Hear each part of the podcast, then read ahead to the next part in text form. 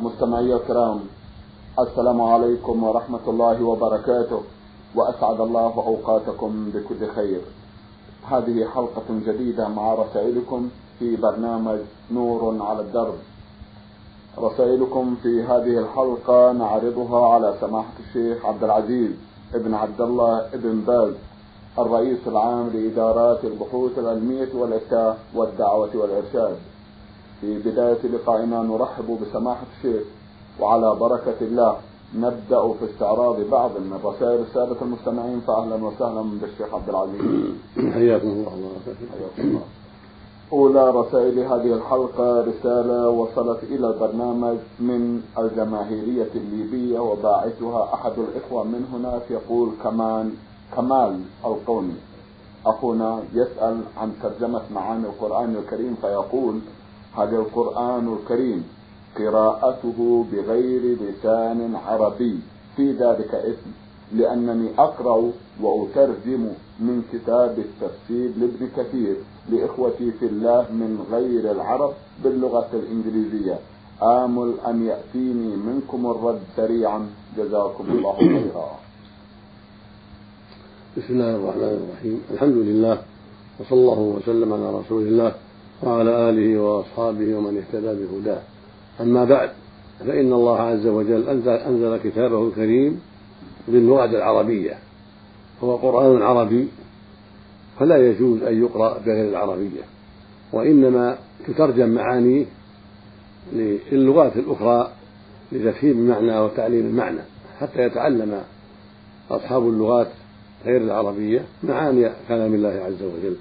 وحتى يستفيدوا من أحكام كتابه سبحانه وتعالى. ولكن عليهم أن يتعلموا لفظ القرآن حتى يقرأوا به في الصلاة وخارج الصلاة باللغة العربية. وإنما الترجمة تفسير معناها التفسير يعني يبين الذي لا يعرف اللغة العربية معنى قوله تعالى الله لا إله إلا هو الحي القيوم معنى حرمت عليكم ميتة والدم ولحم الخنزير وهكذا. تبين له المعاني والأحكام حتى يفهموها بلغتهم وليست اللغة قرآنا وإنما هي تفسير وترجمة وإنما القرآن ما يتلى باللغة العربية كما أنزله الله سبحانه وتعالى. وللعلماء العارفين باللغات الأخرى أن يترجموا معانيه إلى إخواننا المسلمين ليفهموه وهكذا لغير المسلمين للدعوة إلى الله وبيان أحكام الله حتى يعلم غير المسلم حقيقة القرآن وما فيه من العلم فيكون ذلك سببا لدخوله في الإسلام. نعم. من العراق رسالة بعث بها أو بعثت بها إحدى الأخوات من هناك تقول سين سين أختنا تسأل وتقول متى يحل للرجل أن يخلو بالمرأة؟ وهل يحق أن يخلو بها بعد أن اتفق والدها ووالده على قبول تزويجهما وبحضور شاهدين آخرين؟ أي هل أصبحا زوجين مع العلم أنه لم يتم تسجيل هذا العقد في المحكمة؟ الخلوة محرمة بالمرأة الأجنبية. لقول النبي صلى الله عليه وسلم لا يخلون رجل امرأة إلا ومعها ذو محرم. ولقوله عليه الصلاة والسلام لا يخلون رجل امرأة فإن الشيطان ثالثهما. لكن إذا تم العقد تم الزواج من الولي من الخاطب بحضرة الشاهدين صارت زوجة له. لو خلا بها لو خلا بها لا شيء عليه. ولكن ينبغي له أن يمتنع من جماعها حتى يدخل بها الدخول الشرعي لئلا يظن أنه أنه من غيره. فينبغي في مثل هذه الأحوال أن يكون جماعة لها واتصاله بها اتصال جنسي يكون بعد الخلوة الرسمية التي يعترف بها أهلها. أما كونه يخلو بها لا حرج في الخلوة بها لأنها زوجة. لكن الجماع لها ينبغي تأخيره إلى الدخول الرسمي الذي يعرفه الناس حتى لا يقع تهمة لو حملت يقال هذا ليس من زوجها أو يجحده هو أو ما أشبه ذلك. نعم. نسأل الله السلامة. نعم. اللهم آمين. من جمهورية مصر العربية رسالة باعثها أحد الإخوة من هناك رمز إلى اسمه بالحروف نون حاء عين. أخونا له ثلاثة أسئلة. في سؤاله الأول يقول أسمع بعض الناس في الصلاة الجهرية يبدأ بالفاتحة مباشرة دون أن يسمي أي لم يذكر البسملة. فما هو التوجيه في هذا؟ المشروع للمؤمن والمؤمنة أن يبدأ بالتعوذ ثم التسمية ثم القراءة. فإذا كبر للصلاة أولا يستفتح بما شرعه الله من الاستفتاحات التي ثبتت عن رسول الله عليه الصلاة والسلام. ومنها وهو أخصرها سبحانك اللهم وبحمدك وتبارك اسمك وتعالى جدك ولا إله غيرك. ومنها اللهم باعد بيني وبين خطاياي كما بعدت بين المشرق والمغرب اللهم نقني من خطاياي كما ينقى الثوب الأبيض من الدنس اللهم اغسلني من خطاياي بالثلج والماء والبرد. وهناك استفتاحات أخرى ثابتة عن رسول الله عليه الصلاة والسلام. فالأفضل أن يستفتح بواحد منها. هذا هو الأفضل وإن ترك ذلك فلا حرج. ثم يقول أعوذ بالله من الشيطان الرجيم أو أعوذ بالله السميع العليم من الشيطان الرجيم. ثم يقول بسم الله الرحمن الرحيم ثم يقرأ الفاتحة. هذا هو المشروع. ولو قرأ من دون استفتاح ولا تعوذ ولا تسبيح صحت القراءة.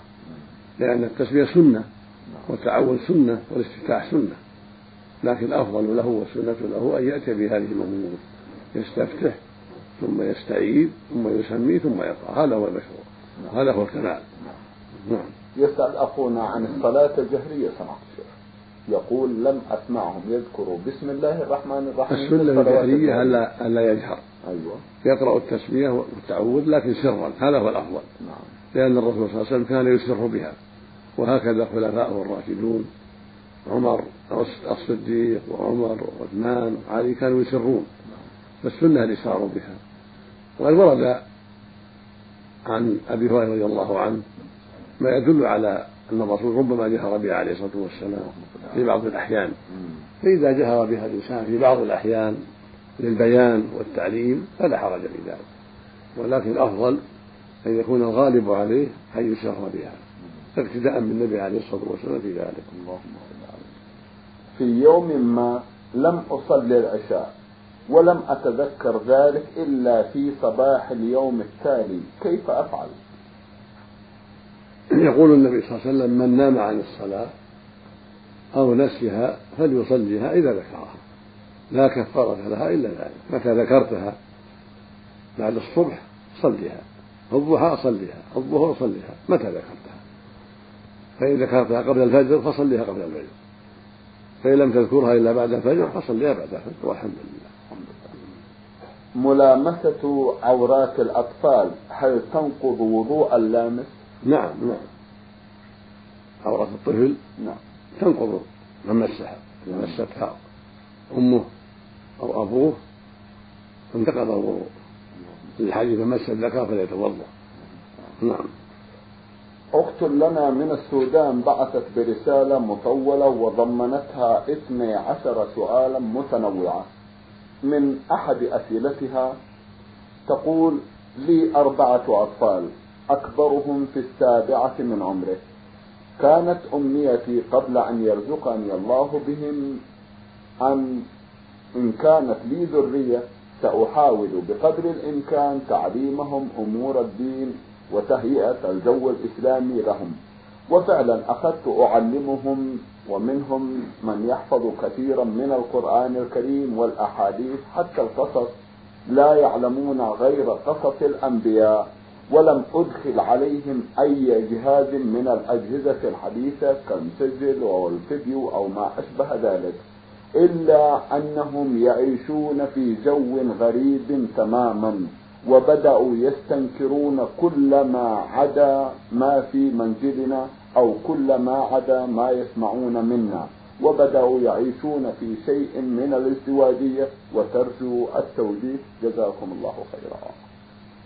بل أحسنت في تعليمهم وتوجيههم وعليك أن تكملي أنت ووالدهم وإخوتهم الكبار وغير ذلك من أقاربهم. عليكم أن تلاحظوهم حتى لا يضرهم ما حولهم من المجتمع. أنت على خير وأبوهم على خير في التعليم والتوجيه والإرشاد والتربية الإسلامية ولكن لا بد من اختلاطهم بمن حولهم. فعليكم بالحرص عليهم وتوجيههم إلى الخير وتحذيرهم مما قد يسمعون من الباطل أو يشاهدون من الباطل حولهم حتى لا يتاثروا والله جل وعلا هو الموفق الهادي. وإنما عليكم أن تفعلوا استطعت. فاتقوا الله ما استطعتم. وأنتم على خير إن شاء الله وسوف ينفع الله بجهودكم. نعم. أم مجاهد سودانية بدولة الأمارات تسأل أيضا سؤالا آخر وتقول فيه قال زوجي في إحدى خطب الجمعة إن الله في السماء مستو على العرش بائن من خلقه وهو في السماء السابعة. فذهب أحد الناس يستنكر عليه وشنع به. ونطلب من سماحتكم القول الواضح في هذا الموضوع. جزاكم الله خيرا. قد أحسن زوجك فيما قال وأصاب الحق فيما قال. الله سبحانه وتعالى فوق العرش. فوق جميع السماوات فوق جميع الخلق. كما قال عز وجل إن ربكم الله الذي خلق السماوات والأرض في ستة أيام ثم استوى على العرش. والاستواء معناها العلو والارتفاع يعني ثم على على العرش وارتفع عليه سبحانه وتعالى. فهو فوق العرش وعلمه في كل مكان عند أهل السنة والجماعة. وهذا هو الذي جاءت به الرسل عليهم الصلاة والسلام. وعلى رأسهم نبينا وإمامنا محمد عليه الصلاة والسلام. وهو قول أصحاب النبي جميعا رضي الله عنهم. كلهم درجوا على أن الله في العلو فوق العرش فوق جميع الخلق. وعلمه في كل مكان سبحانه وتعالى. كما قال جل وعلا فالحكم لله العلي الكبير. قال وهو العلي العظيم. فله العلو الكامل سبحانه وتعالى. من جميع الوجوه علو الذات وعلو القدر والشرف وعلو السلطان والقهر سبحانه وتعالى. وهو فوق العرش فوق جميع الخلق. استواء استوى على العرش استواء يليق بجلاله وعظمته. كما قال سبحانه الرحمن على العرش استوى. قال هذا في سبعة مواضع من كتابه العظيم. فالواجب على كل مسلم وعلى كل مسلمة الإيمان بذلك. والإمرار للصفات كما جاءت. من غير تحريف ولا تعطيل ولا تكييف ولا تمثيل. وإنكار الاستواء من مذهب الجهمية مذهب البدع. فالواجب على أهل الإسلام ذكورا وإناثا أن يؤمنوا بذلك كما جاء في القرآن العظيم. وأن يسيروا على نهج أهل السنة في إثبات علو الله فوق جميع الخلق فوق السماء السابعة فوق جميع الخلق فوق العرش. فإن العرش فوق السماء السابعة. فوق فوق السماء السابعة والكرسي ثم هناك بحر بين أسفله وعلى كما بين السماوات ثم بعدها العرش العرش فوق الماء. والعرش هو سقف المخلوقات وهو أعلاها والله فوق العرش سبحانه وتعالى فوق جميع الخلق جل وعلا. ولهذا قال سبحانه إن ربكم الله الذي خلق السماوات والأرض في ستة أيام ثم استوى العرش. يغشي الليل النهار يطلب حديثا والشمس والقمر والنجوم مسخرات بأمره. ألا له خلق الأرض تبارك الله رب العالمين. قال عز وجل الرحمن على استوى. ثم استوى أتى الرحمن فاسأل به خبيرا في آيات سبع. كلها دالة على علوه وفوقيته واستوائه على رأسه سبحانه وتعالى. فالذي أنكر على زوجه هو الذي قد أخطأ وغلط ووافق أهل البدع وخالف أهل السنة. وأما زوجه في إخباره بأنه فوق العرش فوق السماء فوق جميع الخلق فقد أصاب ووافق أهل السنة ووافق الكتاب والسنة وخالف أهل البدع. فنسأل الله لنا ولكم ولزوجك ولجميع المسلمين التوفيق والهداية والاستقامة على الحق. اللهم السؤال الأخير الذي سنعرضه من رسالة الأخت أم مجاهد يقول أقرأ في بعض الكتب أن قراءة القرآن دون وضوء جائزة. فمثلا في الموطأ حينما أتى عمر من قضاء الحاجة فسأله أحد عن الوضوء ثم القراءة فقال له أي مسيلمة أخبرك هذا. وفي كتب أخرى أقرأ تحريم قراءة القرآن دون وضوء. أي مسيلمة أقرأك هذا؟ أي مسيلمة أقرأك هذا؟ هي كتبت هي أخبرك هذا. لعل أخبرك. أو يعني. أخبرك هذا. كذاب يعني. وفي كتب أخرى أقرأ تحريم قراءة القرآن دون وضوء فأيهما أصح؟ يا سماحة الشيخ جزاكم الله خيرا. قراءة القرآن من المصحف تحتاج إلى وضوء. هذا الذي عليه أهل العلم. وهو قول أصحاب النبي صلى الله عليه وسلم جميعا. لما ثبت من حديث عمرو بن حزم رضي الله عنه الأنصاري أنه أن النبي كتب إلى أهل اليمن ألا يمس القرآن إلا طاهر. وهو حديث جيد له طرق يشد بعضها بعضا وهو دال على أن القرآن لا يمسه إلا من تطهر. كما قال عز وجل إنه لقرآن كريم كتاب مكنون لا يمسه إلا المطهرون. هذه الآية تعم المصحف الذي في أيدينا والذي في أيدي الملائكة. ولهذا قال بعد تنزيل من رب العالمين. فالمنزل علينا لا يقرأ ولا يمسه إلا المطهرون. أما القراءة من دون مسيس بل على عن ظهر القلب والحفظ فهذه لا تحتاج إلى طهارة. لو قرأه على غير طهارة فلا بأس. إلا الجنوب فإن الجنوب لا يقرأ حتى يغتسل لا من المصحف ولا عن ظهر قلب لما ثبت عنه صلى الله عليه وسلم أنه كان لا يحجزه شيء عن القرآن إلا الجنابة ولما الله عليه وسلم أنه قال لما خرج من الغائط قرأ وقال هذا لمن لم يكن جنوبا. أما الجنوب فلا ولا آية. فالحاصل أن القارئ القرآن إن كان من المصحف فلا بد من الطهارتين. الكبرى والصغرى من الجنابة والوضوء جميعا والحدث الأصغر أما إن كان من غير المصحف بل عن ظهر قلب فإنه يقرأه إذا كان ليس في ليس عليه جنابة ولا يلزمه الطهارة الصغرى يقرأ وإن كان على حدث أصغر. أما إن كان جنوبا فإنه لا يقرأ حتى يغتسل. هذا هو الصواب في هذه المسألة. نعم. بارك الله فيكم. سنعود إلى رسالتك يا أختنا السودانية من الأمارات العربية. سنعود إليها في حلقات قادمة إن شاء الله تعالى. وننتقل إلى رسالة وصلت من رابط وباعثها أحد الإخوة يقول عبد الله الهواري. أخونا له ثلاثة أسئلة. سؤاله الأول يسأل عن معنى حديث رسول الله صلى الله عليه وسلم الذي يقول شفاء أمتي في في ثلاث كية من نار كما يورد سماحة الشيخ أو آية من كتاب الله أو جرعة من عسل. هل هذا حديث صحيح؟ الحديث الصحيح يقول صلى الله عليه وسلم الشفاء في ثلاث كية نار أو شطة شطة محجم أو شطة عسل.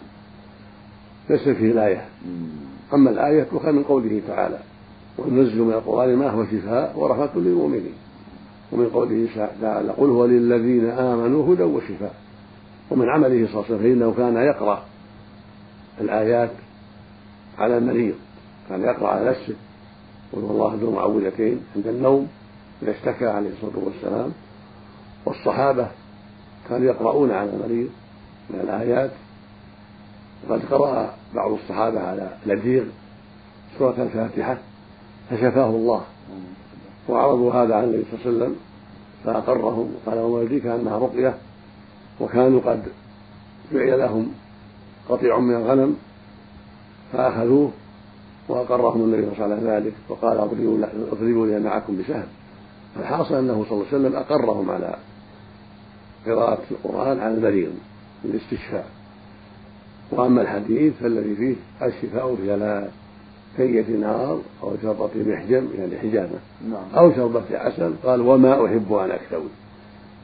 وفي اللفظ الآخر قال وأنا أنهى أمتي عن الكي رواه البخاري في الصحيح. فهذا يدل على أن هذه الثلاث من أسباب الشفاء الكي عند الحاجة إليه والحجامة عند الحاجة إليها. والعسل. والله بين في كتابه العظيم أن العسل فيه شفاء للناس. لكن إذا تيسر علاج بغير الكي فهو أولى. ولهذا قال صلى الله عليه وسلم وما أحب أن أكتوي. وقال وأنا أنهى أنهى أمتي عن الكي لكنه كوى بعض أصحابه للحاجة. فالحاصل أنه لا يشرع الكي إلا عند الحاجة عند عدم وجود ما يكفي عنه. فإذا تيسر دواء آخر يكفي عنه فالأولى ترك الكي لأنه نوع تعذيب بالنار فلا يصار إليه إلا عند الحاجة. نعم. بارك الله فيكم. آه، شيخ عبد العزيز إذا أذنتم آه، كفعل الرسول عليه الصلاة والسلام كان يأمر بشيء ولا يفعله أو ينهى عن شيء ويفعله. آه، لعل في هذا مقام يحتاج إلى مزيد من الإيضاح سماحة الشيخ. هذا يقع. نعم. فإذا أمر بشيء ثم تركه دل على أنه ليس بواجب. وإذا نهى عن شيء ثم فعله دل على أنه ليس بمحرم. ولهذا نهى عن الشرب قائما ثم شرب قائما. فدل على أن الشرب قائما لا حرج فيه ولكن تركه أفضل. إذا تيسر أن يشرب قائدا فهو الأفضل وإن شرب قائما فلا حرج.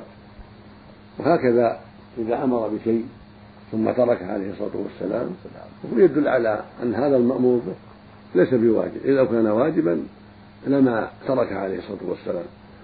فالحاصل أن أوامره أصلها الوجوب ونواهيه أصلها التحريم. لكن متى فعل ما نهى عنه دل على أنه ليس بحرام وإنما هو مكروه أو تركه أولى وإذا أمر بشيء ثم تركه دل على أنه ليس بواجب. نعم. بارك الله فيكم. الواقع سماحة الشيخ المبتدئ في القراءة قد يقع على شيء من هذا فبما تنصحون والحالة هذه. نعم. المبتدئ في الاطلاع على كتب أهل العلم قد يقع على شيء من هذا وربما يقع في حيرة يسأل أهل العلم. يسأل عليه. نعم. القارئ طالب العلم المبتدئ. نعم. إذا مر عليه شيء من الأحاديث واشتبه عليه أمرها أو بعض الآيات يسأل أهل العلم. الذين عنده أو ويسافر إليهم. يسأل أهل العلم الذين بلغه عنهم أنهم أهل علم وأهل بصيرة ويطمئن إليهم يسألهم بالمكاتبة بالمشافهة بالهاتف بغير هذا من طرق الاتصال. ولا والمقام يحتاج إلى عناية. الله يقول فاسألوا أهل الذكر إن كنتم لا تعلمون. نعم. ذكرتم السفر وهذا دليل على أهمية التوضيح فيما يتعلق بأمور ديننا. نعم ولو بالسفر. ولو بالسفر. قد سافر جمع من الصحابة من بلد إلى بلد من المدينة إلى مصر وإلى الشام ما يجي بعض الأحاديث. رضي الله عنه. الله جزاكم الله خيرا. أخونا عبد الله الهواري من رابغ يسأل أيضا عن الحنة للرجال ولا سيما إذا كان للعلاج لا نعلم في بأسا للعلاج. أما يفعله كالنساء فلا يجوز طيب. للتشبه بالنساء. طيب. أما إذا فعله الرجل على وجه يعالج به مرضا في رجله أو يده أو غير ذلك فلا حرج في ذلك. بارك الله هل صلاة التسابيح واردة في السنة النبوية؟ وما الحكم في قائل يقول أو نقفل هذا السؤال سؤال واقع ربما يكون سيء كما لا لا هذا هذا نعم. لا يقول عليه الطلاق من دينه. إيش؟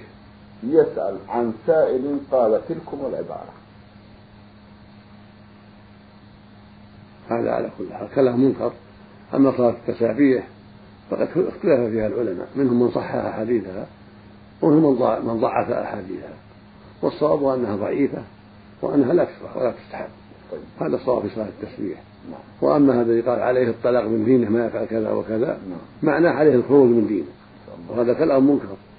يقول النبي صلى الله عليه وسلم من حلف بملة غير الإسلام كاذب متعمد فهو كما قال. المقصود أن هذا يجب يجب عليه أن يتوب إلى الله ويحذر مثل هذا الكلام. لا يقول عليه الطلاق من دينه أو هو كافر أو هو يهودي أو نصراني ما يفعل كذا أو سوف يفعل كذا أو ما أشبه ذلك. لا يستعمل غير هذا. يقول والله لا افعلن كذا أو والله ما أفعل كذا يكفي هذا. نعم. أما أن يقول هو يهودي أو نصراني أو عليه الطلاق من دينه إنه ما يفعل كذا كل هذا غلط منكر لا يجوز. وتعريض لدينه للذهاب والضياع والردة عن الإسلام نعوذ بالله. يجب الحذر والتوبة من هذا نسأل الله العافية. نعم. بارك الله فيكم. رسالة من أحد السادة المستمعين بعث بها وهو يقول أبعث إليكم كتابي هذا وأرجو من الله أن ترشدوني إلى الصواب. أنا رجل مجتهد فيما أمرني ربي وأسرتي والحمد لله تشاركني في ذلك حسب استطاعتهم ولكن يوجد لي أخت لا تصلي من مدة طويلة وزوجها يشاركها أيضا في ذلك الحال. وقد أخبرني كثير من الناس أن ذلك هو سلوكهم وأنهم لا يرضون الله في ذلك الجانب. وعندما عرفت بنفسي أنها على ذلكم الحال أخذتها وأخبرتها بما حرم الله ورسوله وأخبرتني بنفسها أنها فعلا كانت تعمل ذلكم العمل. وبعد هذا الموقف قامت وعاهدتني على كتاب الله ووعد ووعدتني أن تتوب من الآن ولكن للأسف لم توف بالعهد. فعندئذ قاطعتها حتى تعود كسائر المؤمنات اللاتي يردن وجه الله تبارك وتعالى. أفيدوني جزاكم الله خيرا عن حكم ما فعلت ولا سيما عن حكم مقاطعتي لأختي تلكم جزاكم الله خيرا. قد أحسنت فيما فعلت من نصيحتها ودعوتها إلى الخير وقد أساءت في رجوعها إلى الباطل وعدم صلاتها لأن الصلاة عمود الإسلام. من ضيعها ضيع دينه ومن تركها كفر نعوذ بالله من ذلك. وقد صح عن رسول الله عليه الصلاة والسلام أنه قال العهد الذي بيننا وبينهم الصلاة فمن تركها فقد كفر. هذا يعم الرجال والنساء. وقال عليه الصلاة والسلام رأس الأمر الإسلام وعموده الصلاة وذروة سنامه الجهاد في سبيل الله. وقال أيضا عليه الصلاة والسلام بين الرجل وبين الكفر والشرك ترك الصلاة. فقد أحسنت في مقاطعتها وهجرها حتى تتوب إلى الله عز وجل لأن هذا منكر عظيم من الكفر فالواجب هجرها وهجر زوجها حتى يتوب إلى الله عز وجل. وإن ظهر أمرهما وعرف أنهما لا يصليان فيجب رفع أمرهما إلى ولاة الأمور إذا كان في بلاد إسلامية يقيمون الصلاة ويعاقبون عليها يرفع بأمره بأمرهما حتى يستحق أن يعاقب على ذلك بالقتل. فإن من ترك الصلاة يستتاب فإن تاب وإلا قتل. قتله ولي الأمر ولي أمر المسلمين أو نائبه. المقصود أن عليك العناية بنصيحتهما جميعا ولو من طريق الهاتف أو المكاتبة. أو توكيل من ينصحهم لعل الله يهديهم بأسبابه. أما قطعك لهم وهجرك لهم هذا كله طيب وواجب إذا كان يرجى فيه خير. أما إذا كنت لا ترجو من وراء الهجر خيرا فلا مانع من الاتصال بهم لا للأكل عندهم والشرب والأنس بهم لا. ولكن لمجرد الدعوة والتوجيه والإرشاد لا للأكل معهم أو الضحك معهم أو الأنس معهم لا. بل تلقاهم بوجه غير منبسط بل وجه مكره حتى يرجع إلى الحق حتى يتوب إلى الله عز وجل. قد هجر النبي صلى الله عليه وسلم ثلاثة من الصحابة في أقل من هذا. تخلفوا عن غزو من غير عذر يوم تبوك. هاجرهم النبي صلى الله عليه وسلم وأمر مسلم بهجهم. فهجروا خمسين ليلة حتى تاب الله عليه. فإذا كان من تخلف عن الغزو بغير عذر يهجر. فالذي تخلف عن الصلاة التي هي عمود الإسلام أولى وأولى بها.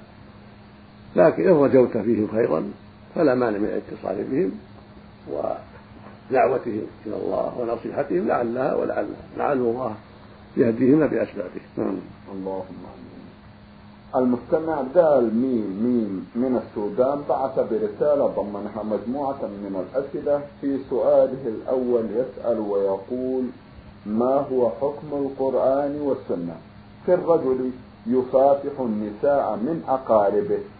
ويضع على يده قطعة من قماش تحجب اليد عن عن أيدي النساء. أو المرأة كذلك تضع حاجبا على يدها عند المصافحة. وهل في حديث الرسول صلى الله عليه وسلم شيء من هذا؟ نرجو الإيضاح.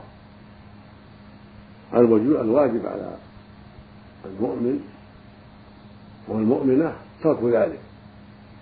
المصافحة لا تجوز مع غير المحارم أما أن يصافح أخته أو عمته أو خالته أو زوجته فلا بأس.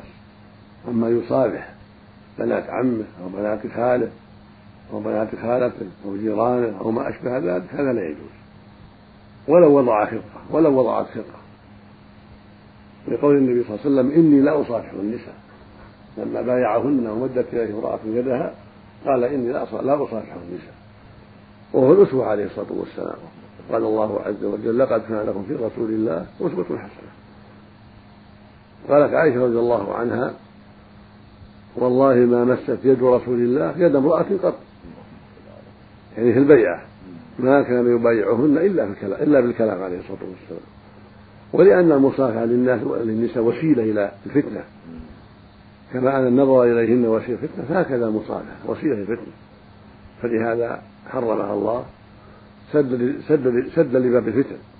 نعم. أخونا يسأل ويقول عندما تقام الصلاة ويكبر الإمام تكبيرة الإحرام يصمت الإمام برهة الإمام برهة ويردد المصلون بعض الكلام في هذه البرهة ماذا يقولون وما حكم ذلك؟ سنة إذا كبر الإمام في الصلاة وهكذا المنفرد وهكذا المأموم أن يسكتوا قليلا ليأتوا بدعاء الاستفتاح. كلهم الإمام والمأموم والمنفرد الاستفتاح سنة في الصلاة الفريضة والنافلة. كان النبي يفعل ذلك عليه الصلاة والسلام. وثبت عنه عدة استفتاحات. كان يفعل هذا تارة وهذا تارة وهذا تارة عليه الصلاة والسلام. وأخصرها وأسهلها على العامة سبحانك اللهم وبحمدك وتبارك اسمك وتعالى جدك ولا إله غيرك. هذا يقال بعد التكبيرة الأولى وقبل أن يقرأ قبل أن يتعوذ قبل أن يسمي. في جميع الصلوات. وجاءت أنواع أخرى ثابتة عنه عليه الصلاة والسلام منها اللهم باعد بيني وبين خطاياي كما باعدت بين المشرق والمغرب. اللهم نقني من خطاياي كما ينقى الثوب الأبيض من الناس. اللهم اغسلني من خطاياي بالثلج والماء والبرد. ومنها اللهم رب جبرائيل وميكائيل وإسرافيل. فاطر السماوات والعالم الغيب والشهادة. أنت تحكم بين عبادك فيما كانوا فيه يختلفون. اهدني لما اختلف من حكمه إنك تهدي من تشاء إلى صراط مستقيم. وهناك استفتاحات أخرى أطول من هذا. فإذا استفتح الإنسان بشيء منها فكله حسن. وإذا